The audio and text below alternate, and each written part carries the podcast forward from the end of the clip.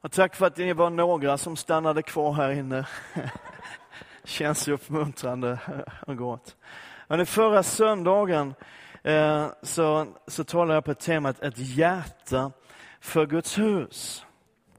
Eh, och så är vi mitt i, eller i avslutningen av vår församlingshelg, eller vår kick-off-helg. Vi har talat eh, med varandra den här eh, fredag och, och lördag. Vi har talat om att vandra tillsammans. Eh, alla generationer, från de yngsta till de äldsta, alla nationaliteter. Och vi har talat om att våra olikheter inte får vara ett problem utan måste ses och bör ses och du ska ses som en styrka. Att det är härligt och underbart och berikande att vi är olika. Och Peter har talat om kroppen bland annat. Så bra. Synd att du missade det. Vi har inte spelat in det heller, så har du missat det så. Eh, men Peter talar om kroppen, han talar om bland annat om vad som händer om kroppsdelar fattas och så vidare. Idag så tänker jag fortsätta att tala om att vara planterad i Guds hus.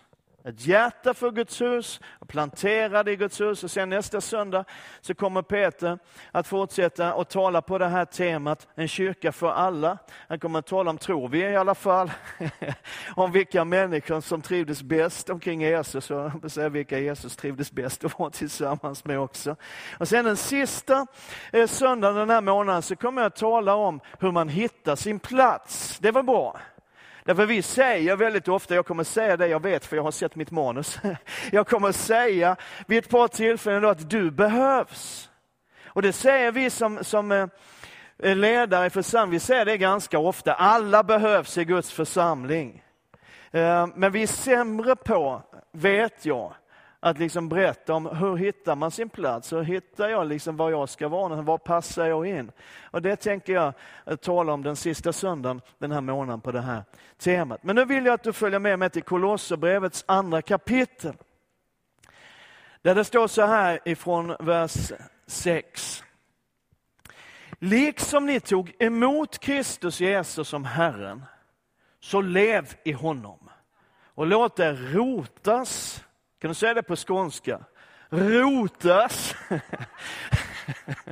och uppbyggas i honom och befästas i tron i enlighet med den undervisning ni har fått och överflöda i tacksägelse.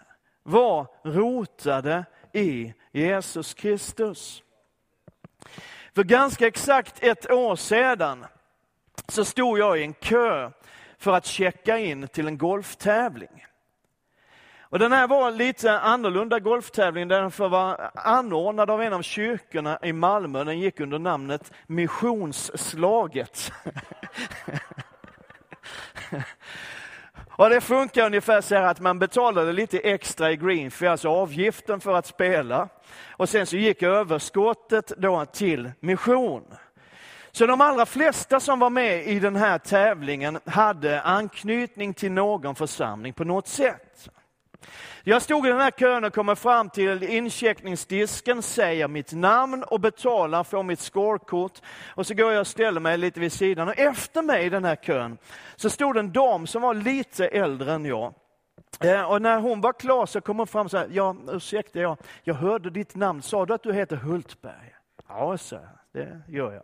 Så här, Känner du Kjell och Greta? Eh, det kunde jag inte neka till eftersom det är mina föräldrar. Så jag sa, ja det, det gör jag. Och då sa hon så här, ja du vet, jag har mina rötter i Immanuelskyrkan i Malmö. Och det sa jag, utan att tänka mig för, det har jag också. Eh, och det fattar hon ju eftersom jag var Kjell och Gretas påg. Eh, Lite senare samma vecka när jag satt och pratade med en kollega så sa jag så här, jag har mina rötter i Helgelseförbundet. Och någonstans så fick de här yttrandena från mig, jag har mina rötter i Immanuelskyrkan, jag har mina rötter i Helgelseförbundet, att fundera över vad är egentligen mina rötter? Och du vet, jag var mer eller mindre född in i Immanuelskyrkan i Malmö. Impregnerad och indoktrinerad från barnsben. Eh, och så. Men det finns fler skikt. Därför att när jag kom till personlig tro så var det inte i Immanuelskyrkan i Malmö, utan det var det genom EFS verksamhet uppe i norra Skåne. Det var där jag kom till personlig tro på Jesus. Sen blev jag evangelist och pastor inom Helgelseförbundet. Och sen under de första åren som kristen så präglades jag ganska starkt av den karismatiska rörelsen och, och vinjardrörelsen och, och alltihop där. Och sen så efter det så hamnade vi, Birgitta och jag, vår familj, i en församling som hade ganska nära band med trosrörelsen. Och sen då nu, sedan de 15 år tillbaka, så kallar jag mig för pingstvän. Och nu i dessa yttersta av yttersta dagar, Kyre Elisson så är jag liksom EFK-are och pingstvän samtidigt. Allt det här har ju på något sätt bidragit till att forma den jag är som kristen. Och för dig finns det kanske andra skikt i ditt rotsystem. Men ändå så måste man konstatera att de här skikten är ju ganska ytliga. Eller hur? Man skulle kunna gå vidare neråt, man skulle liksom gå in på, ja men jag är liksom i den lutherska, lutherska delen av kristenheten. Jag skulle tala om protestantismen, reformationen och alltihop det. Men du vet, på djupet så är det ju varken EFK eller pingst eller trosrörelsen eller den karismatiska rörelsen eller helgelseförbundet eller EFS eller ens Immanuelskyrkan särskilt väsentliga. Därför att på djupet, på djupet går mina och dina rötter till Jesus själv.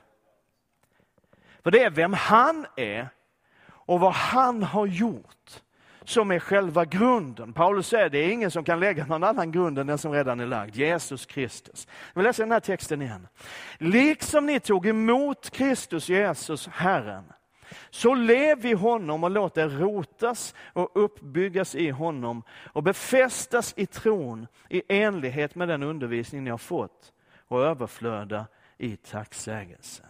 Han är grunden, den han är och vad han har gjort. Det är där vi har våra rötter och vi behöver förstå att Jesus plus ingenting är allting. Amen. Jesus plus ingenting är allting. Och Jesus plus någonting, det är ingenting, men det är en annan predikan. Det är hos honom vi hämtar vår näring, vår kraft, vårt liv. Grunden kan aldrig vara någonting annat än Jesus Kristus. Kan aldrig vara någonting annat än försoningen. Kan aldrig vara någonting annat än nåden. Vi kan inte bygga på oss själva. Du är medveten om det? Och du vet, jag, ska, jag, har, jag har goda nyheter. Du slipper att bygga på dig själv. Amen. Du slipper att bygga på dig själv, för vi bygger på Jesus Kristus. Och nu är det så här, att jag skulle kunna hålla en lång predikan om att vara rotad i Jesus. Och det ska jag göra, men inte riktigt ändå.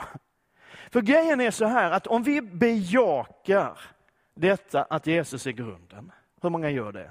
Så vi vet var vi har varandra. Ja, men det ser bra ut, då kan jag fortsätta.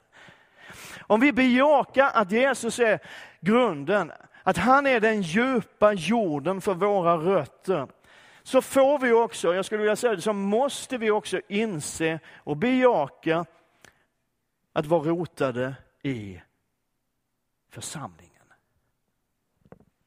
Och Det är det jag ska tala om idag. Att vara rotad i Guds hus, planterad i Guds hus rotad i församlingen. Det står så här i Efesierbrevets första kapitel. Allt la Gud under Jesu fötter. Och honom som är huvud över allting gav han åt församlingen, som är hans kropp. Vill säga, ja, det är en bild i Bibeln, liksom det här om kroppen, att vi är Kristi kropp. Nej, men det står inte att det är en bild, det står som är hans kropp. står det. Fullheten av honom som uppfyller allt i alla. Jesus är både grunden som vi står på och huvudet som leder oss. Och vi finns liksom där mitt emellan. Vi är varken grunden eller huvudet, vi är kroppen. Och han är huvudet och han är grunden som vi bygger på. I psalm 92 så står det så här, och jag älskar de här verserna. De rättfärdiga grönskar som palmer, som cedrar på Libanon växer de till. De är planterade i Herrens hus. De grönskar i vår Guds förgårdar. Ännu vid hög ålder bär de frukt. De frodas och grönskar för att förkunna att Herren är rättfärdig. Han är min klippa, ingen orätt finns i honom. Vad är de rättfärdiga? Du är rättfärdig. Finns det fler? Ja, tre till.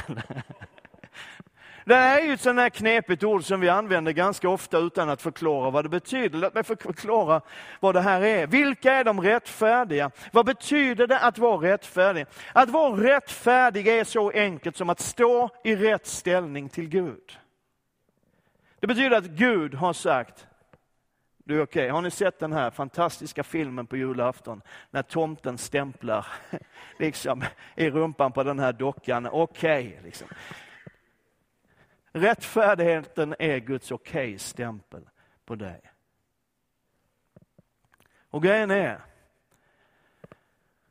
att Gud stämplar inte dig och mig med sitt okej. Okay. Han stämplar sin son Jesus Kristus med okej. Okay.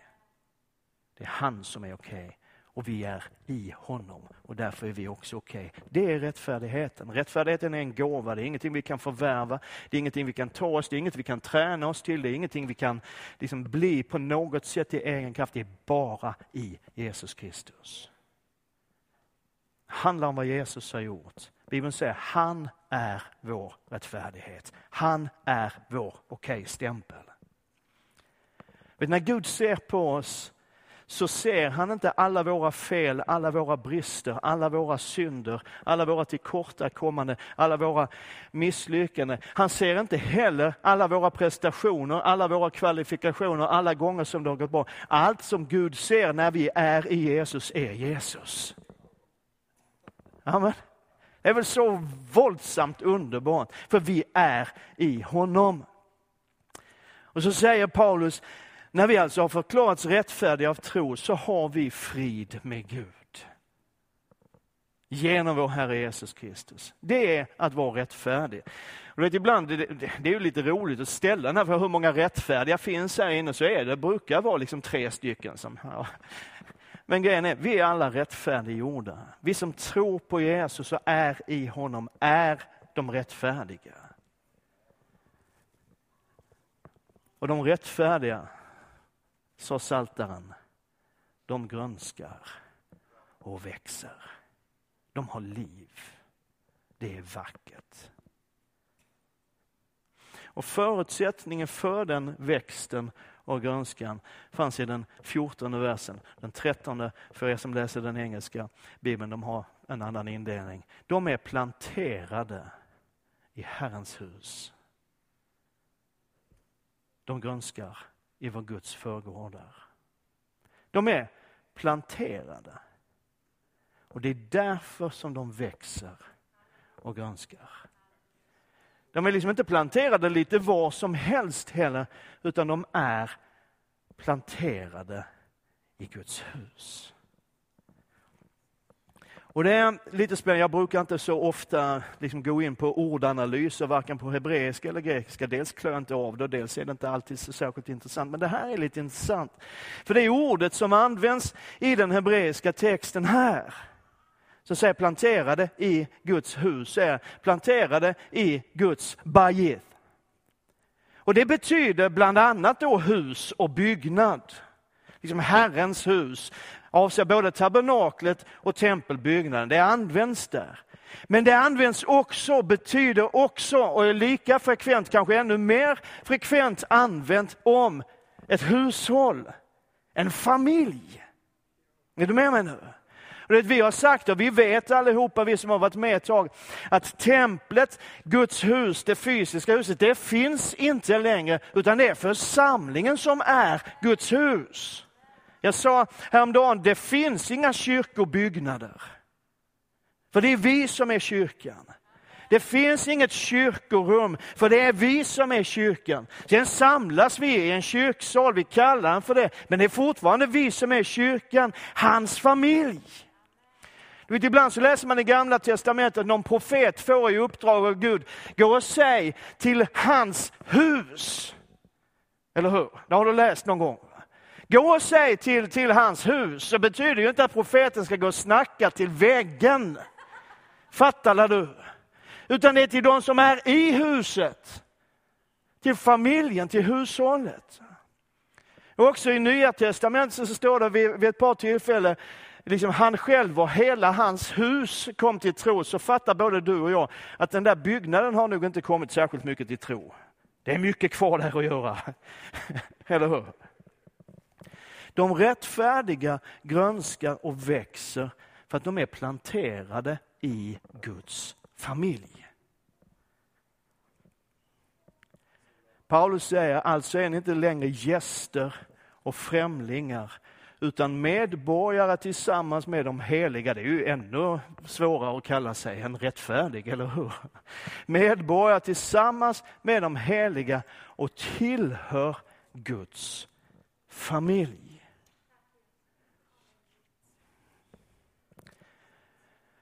Och det är så här, jag, jag, kan inte mycket om, om trädgårdar och skogen och sådana saker, men en sak vet jag. Att plantera ett träd görs medvetet och med ett syfte. Eller hur? Om det är ett planterat träd så är det någon som har satt det där.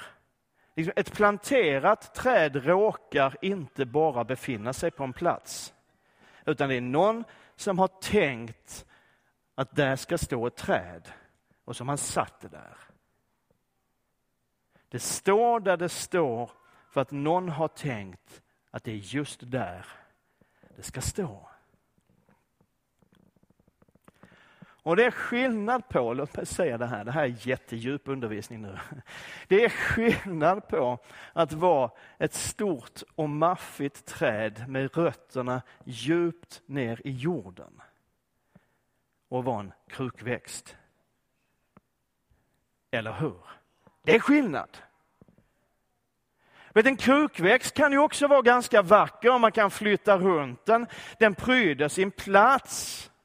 Men om sanningen ska fram, och den ska den när vi predikar på söndag förmiddag, så är sanningen att det finns ju inte en enda växt, inte ett enda träd som egentligen är skapat för att stå i en kruka. Vad är poängen med det här? Jo, poängen är att det finns kristna som liksom väljer att leva sitt liv som en krukväxt. Man kan stå här ett tag. Liksom, kan jag stå här lite? Och sen så kan man, här kan man vara. Kan stå här lite, eller där borta. Och så inser man inte heller att krukan, skalet, begränsar och hindrar. Ibland så får jag frågan och ibland så är det mer som ett påstående. Liksom, man kan väl vara kristen för egen hand, på egen hand, jag kan vara kristen för mig själv. Det var någon som sa, sa för, för ett tag sedan, liksom, ja, jag, ser, jag ser gudstjänsterna på tv och går till lite olika kyrkor då och då. Och vet du vad jag känner när jag hör det? Jag tycker bara det är så tragiskt. Att man väljer att vara en ensam krukväxt som kan flyttas runt lite hit och dit. När Gud har tänkt att vi ska få vara del av en stor och härlig och grönskande trädgård. Det är skillnad. Vet att vara kristen på egen hand, det är liksom att hålla en viss distans som medför att man missar så väldigt mycket av vad Gud har tänkt. Jag har sagt förut och jag säger det igen. Hela Nya testamentets undervisning förutsätter den lokala församlingen. Det finns ingenting i Nya Testamentet som beskriver hur Gud bygger sitt rike på den här jorden som är frikopplat från den lokala församlingen. Det är genom den han talar och uppenbarar sig och utför sitt verk.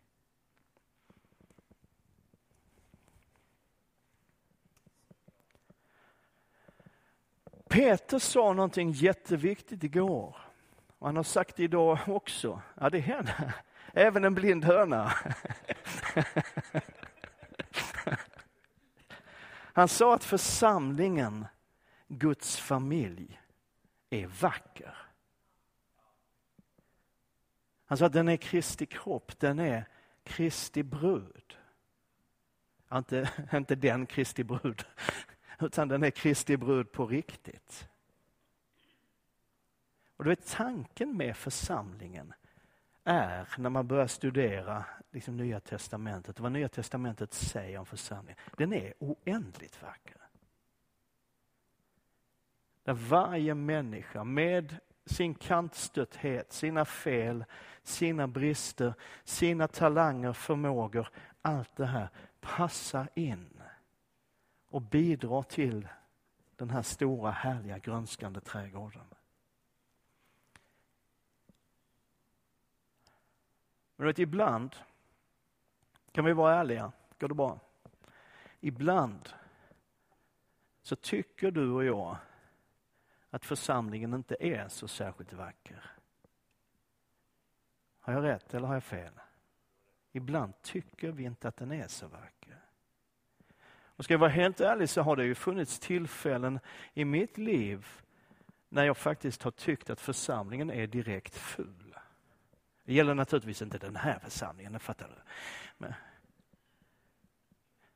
att den inte är vacker därför den är inte som jag tycker att den ska vara. Och ibland så har jag blivit sårad mitt i församlingen. Ibland har jag känt mig missförstådd mitt i församlingen. Och ibland har jag varit besviken mitt i församlingen. Och det kanske är så för dig också, men du vet en sak. Församlingen blir inte vackrare för att du lämnar eller drar dig tillbaka.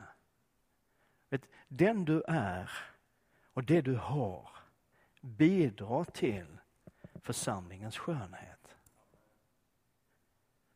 Sanningen är att församlingen är fulare utan dig. Säg det till din granne.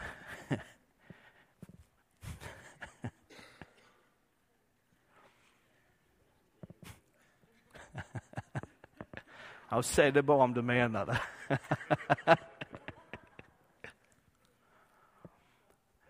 Det finns ju en sak med församlingen som jag tror är både dess styrka och dess stora svaghet. Och vet du vad det är? Den består av människor. Jag har ibland sagt, mest på skoj, men ibland så har det nog funnits en liten ton av att tänk om man kunde få vara pastor för en kyrka utan människor. vad lätt det skulle vara. Men församlingen består av människor och här är en hemlighet, om du inte har upptäckt det så får du med dig liksom en sanning här som du kanske aldrig har tänkt på förut. Människor gör fel. Det är uppenbarelse för någon. Människor säger fel saker vid fel tillfälle. Människor säger ibland det som inte borde ha blivit sagt. Och ibland så missar människor att säga det som borde ha blivit sagt. Vi människor missförstår varandra. Vi sårar varandra. Vi människor, eller ni människor ska säga, är besvärliga. Skapar problem. Och vi människor drivs ganska ofta av våra egna begär och själviska motiv. Men vet, ibland när jag liksom har tyckt att församlingen den är inte särskilt vacker. när jag har blivit sårad eller känner mig besviken och trött, det händer ju, så har Gud påmint mig om vad som är grunden för att jag överhuvudtaget får vara med.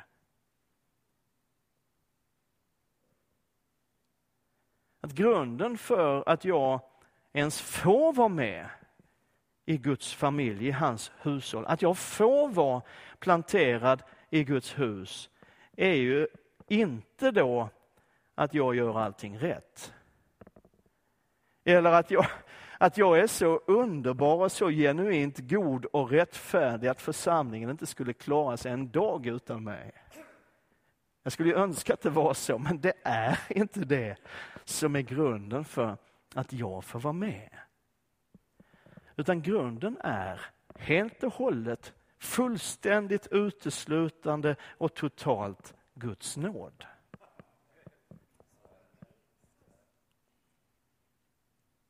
Det är bara Guds nåd som gör att jag får vara med.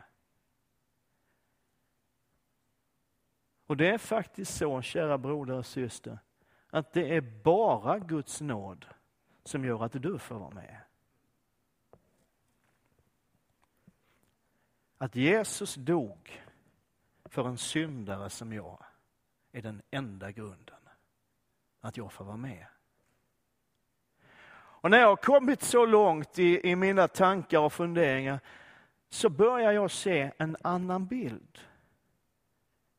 Och det tycker jag är så häftigt att när vi låter Gud jobba med oss själva så förändras vår syn på andra.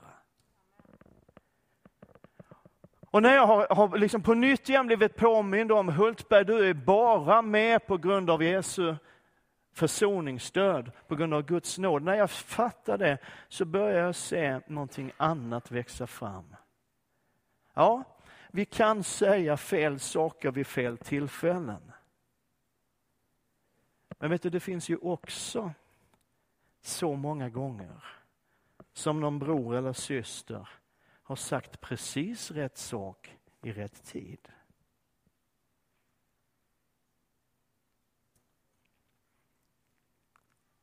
Och vi kan vara rätt besvärliga, du och jag. Men det finns också tillfällen ibland när vi är alldeles, alldeles underbara. Ja, visst, vi kan såra varandra. Men det är också så många, många gånger som vänner i församlingen har varit till hjälp för mig för helande och läkedom. Och visst kan vi skapa problem. Oj, att vi kan skapa problem. Men både du och jag har varit med om hur, hur vi har fått hjälpa varandra att finna lösningar. Och visst är det så att vi ibland drivs av ganska själviska motiv och begär.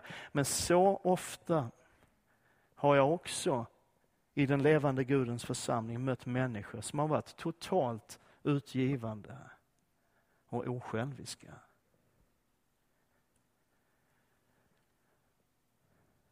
Och du vet, vi, vi, vi kommer att fortsätta att vara människor här i ena kyrkan. Det ligger liksom inte i vår plan för de närmaste fem åren att vi ska sluta med det. Utan vi kommer att fortsätta att vara människor. Och det innebär att vi antagligen kommer att bli sårade ibland, besvikna ibland och missnöjda ibland. Men det innebär också att vi kommer att vara varandras källa till glädje, till läkedom, till tröst och uppbyggnad.